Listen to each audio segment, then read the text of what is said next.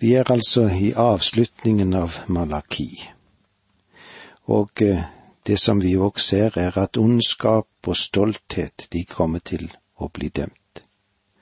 Se, den dagen kommer.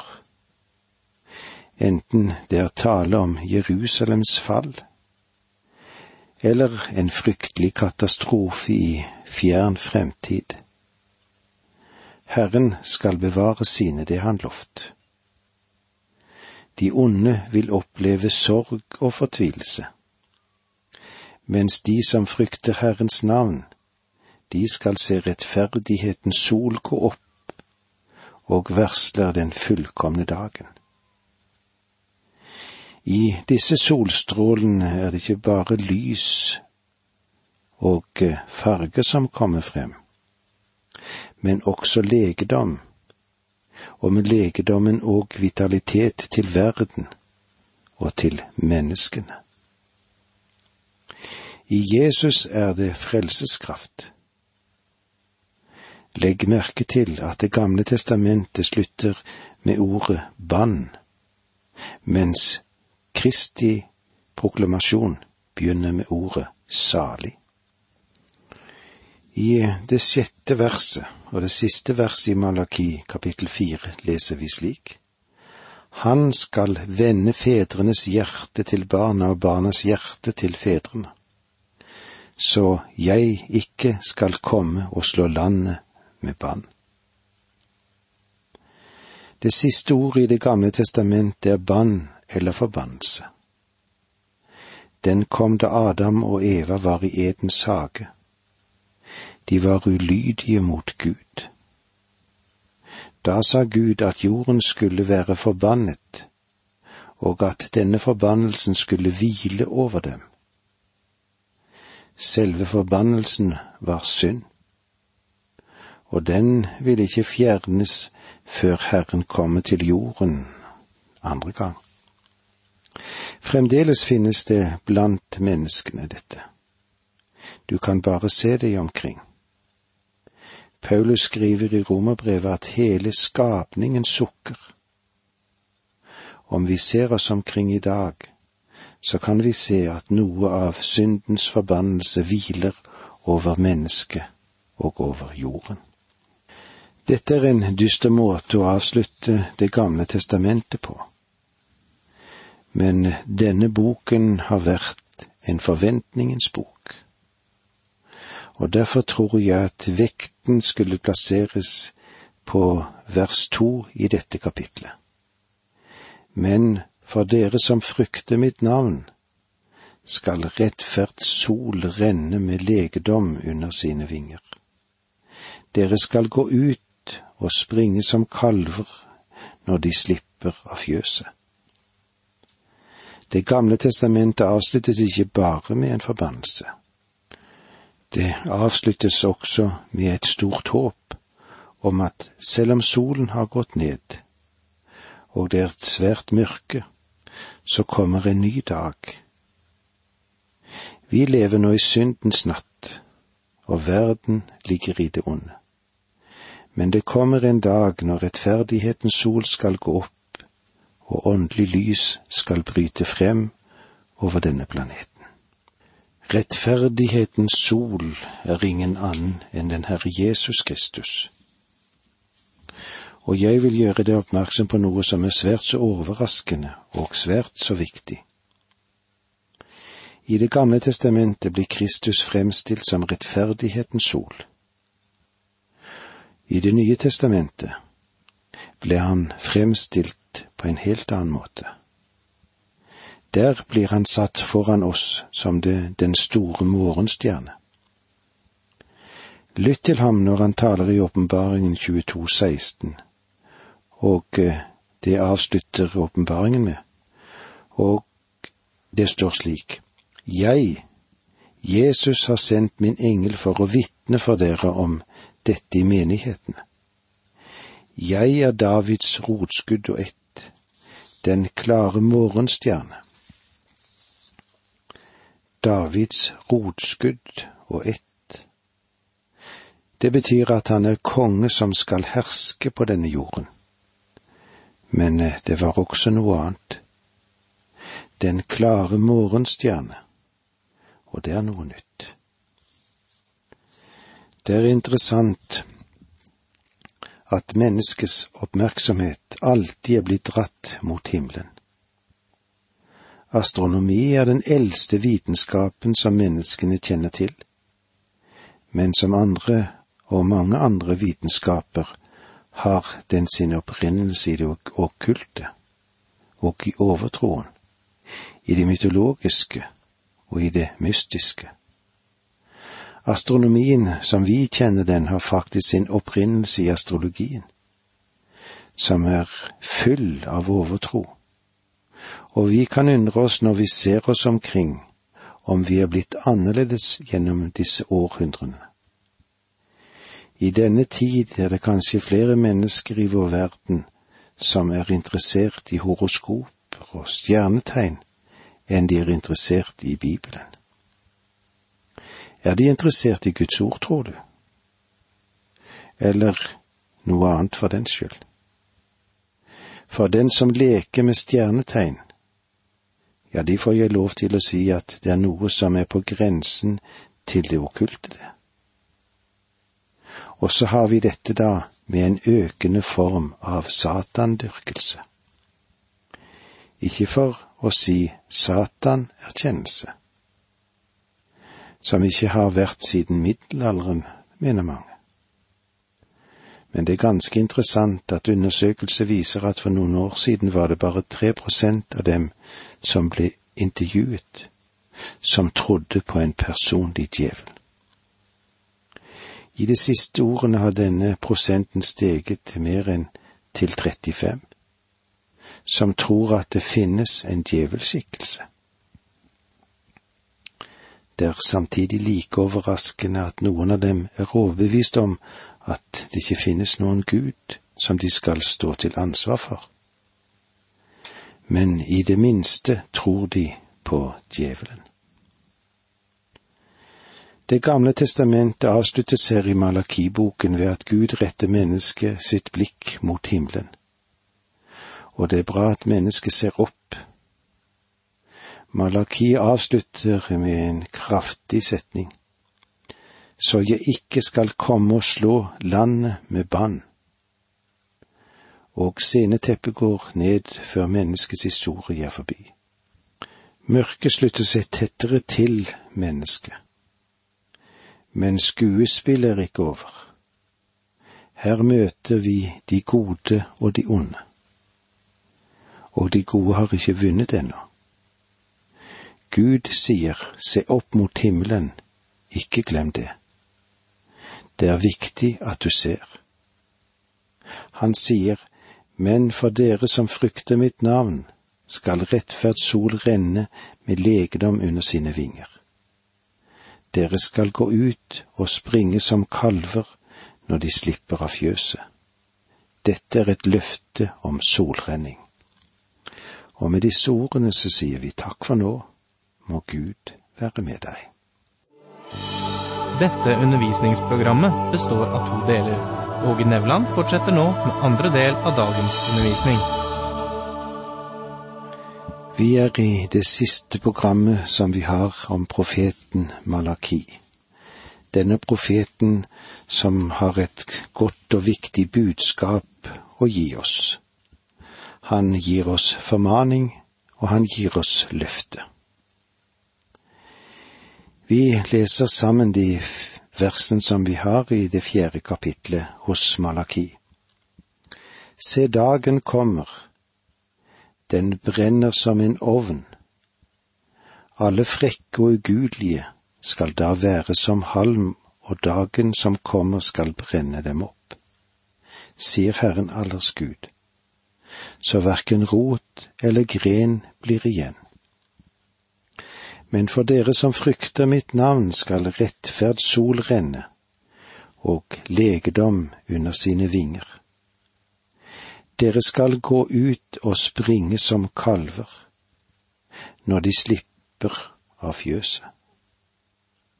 Da skal dere tråkke de ugudelige ned, de skal være som støv. under sålene deres.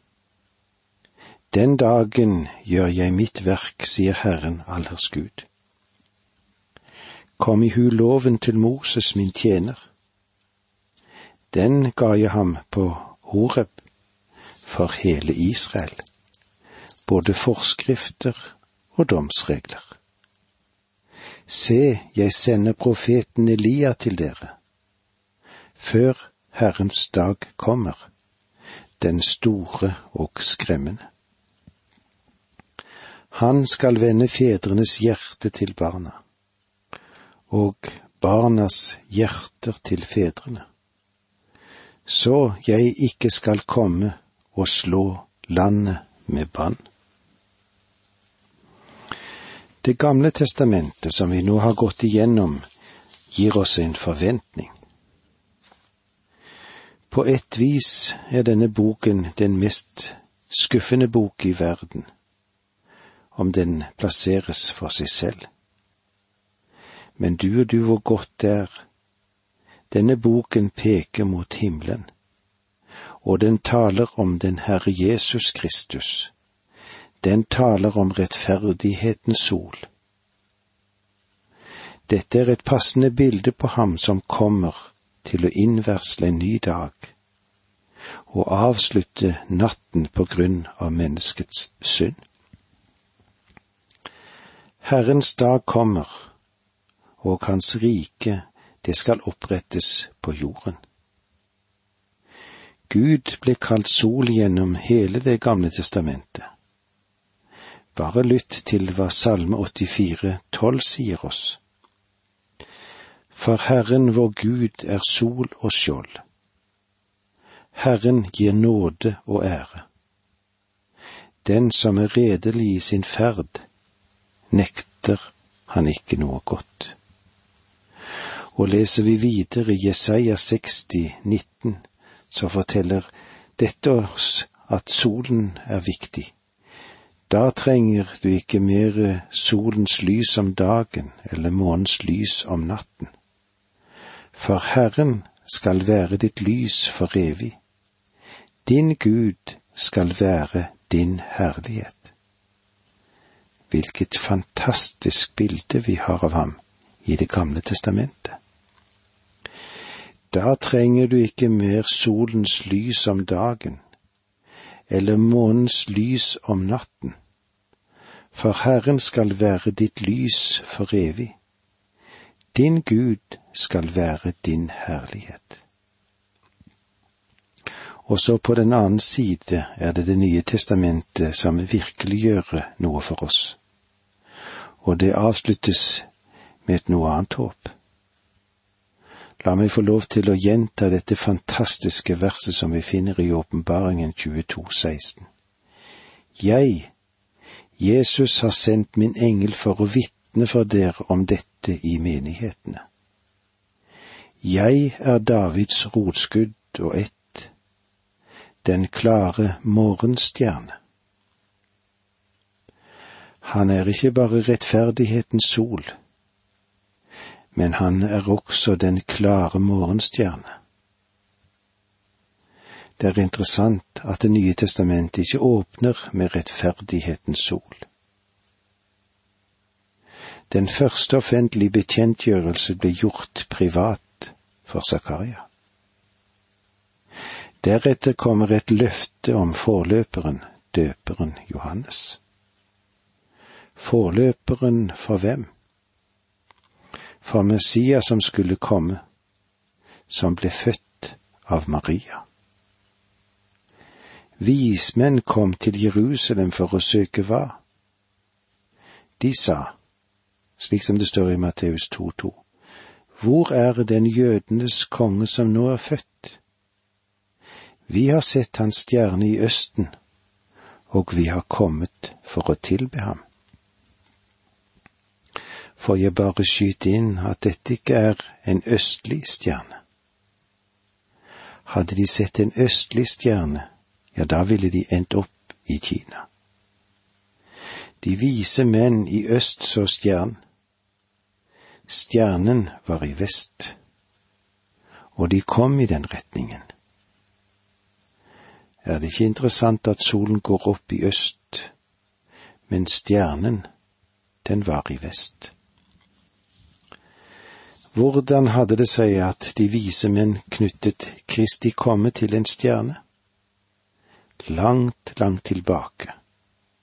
Vi ser i Fjerde Mosebok, der kom profeten Biliam i de østlige Moab med denne profetien altså i Fjerde Mosebok kapittel 24 vers 17. Jeg ser ham, men ikke nå. Jeg skuer ham, men ikke nær. En stjerne stiger opp fra Jakob, en kongsstav løfter seg fra Israel. Han skal knuse Moabs tinninger og skallen på alle sønner av Set. Stjernen er alltid atskilt fra septeret. Stjernen er atskilt fra solen. Stjernetegnet på Kristi komme for å hente sin menighet ut av verden. Og solen er tegnet på hans andre komme til jorden for å opprette sitt rike. De jødiske apostler ble fortalt ved hans himmelfart. Denne Jesus som ble tatt opp til himmelen fra dere. Han skal komme igjen på samme måte som dere har sett ham fare opp til himmelen, står det i Apostelens gjerninger 1.11. Og Zakaria forteller oss at hans føtter skal stå på Oljeberget. Stjernen er derfor tegnet på hans første komme for å hente sin menighet ut av verden. Men han kom ikke til jorden.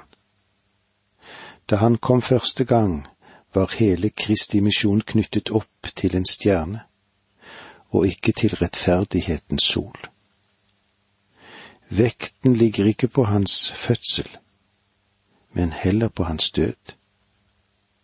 Det er interessant at han aldri ba noen å minnes sin fødsel, men han sa at de skulle minnes hans død. Da han innstiftet nadværen under påskemåltidet, tok han de døende glør av en hendøende fest, og så sa han, Gjør dette til minne om meg. Både Kristi død og hans fødsel er i stjernen. Stjernen taler ikke bare om hvor han ble født, men også hvorfor han døde. Stjernen forteller oss hvem han er, hvorfor han kom. Han sa det slik gjennom hebreerbrevets forfatter. Se, her kommer jeg for å gjøre din vilje, Gud. I bokrullen er det skrevet om meg. Stjernen peker mot en krybbe, men den peker også mot et kors. Den taler om det faktum at han kom for å bære mine synder, og han kom for å bære dine synder på korset. Er det håp for fremtiden? Den klare morgenstjerne ser du før solen kommer opp. Morgenstjernen viser seg først, deretter kommer solen. Så vi venter på at morgenstjernen skal vise seg. Han er den klare morgenstjerne for menigheten i dag, og det er det som er viktig å se. Peter taler om ham på denne måten, og det leser vi fra en Peter 1,19. Derfor står også profetordet desto fastere for oss. Dette ord bør dere ha for øye, for det er lik en lampe som lyser på et mørkt sted, inntil dagen gryr og morgenstjernen går opp i deres hjerter. Denne stjernen taler om menighetens bortrykkelse da han henter sitt folk ut av verden. Denne bortrykkelse kan finne sted ethvert øyeblikk, for det er ingen spesielle tegn for den. Den dagen kommer da morgenstjernen skal vise seg, og han skal hente sin menighet. Det vil være signalet som forteller at solen vil komme ganske snart. Denne sol er ingen annen enn rettferdighetens sol, den Herre Jesus Kristus. Nå forlater vi Det gamle testamentet der håpet er at Kristus skal komme til jord for å opprette sitt rike. Men i Det nye testamentet bør vi være lik de vismenn som så etter morgenstjernen. Fremdeles skal vi se etter morgenstjernen, som viser seg når han vil hente sin menighet ut av verden. Og med det sier vi takk for nå, og takk for følget som vi har hatt gjennom Det gamle testamentet. Må Gud være med deg.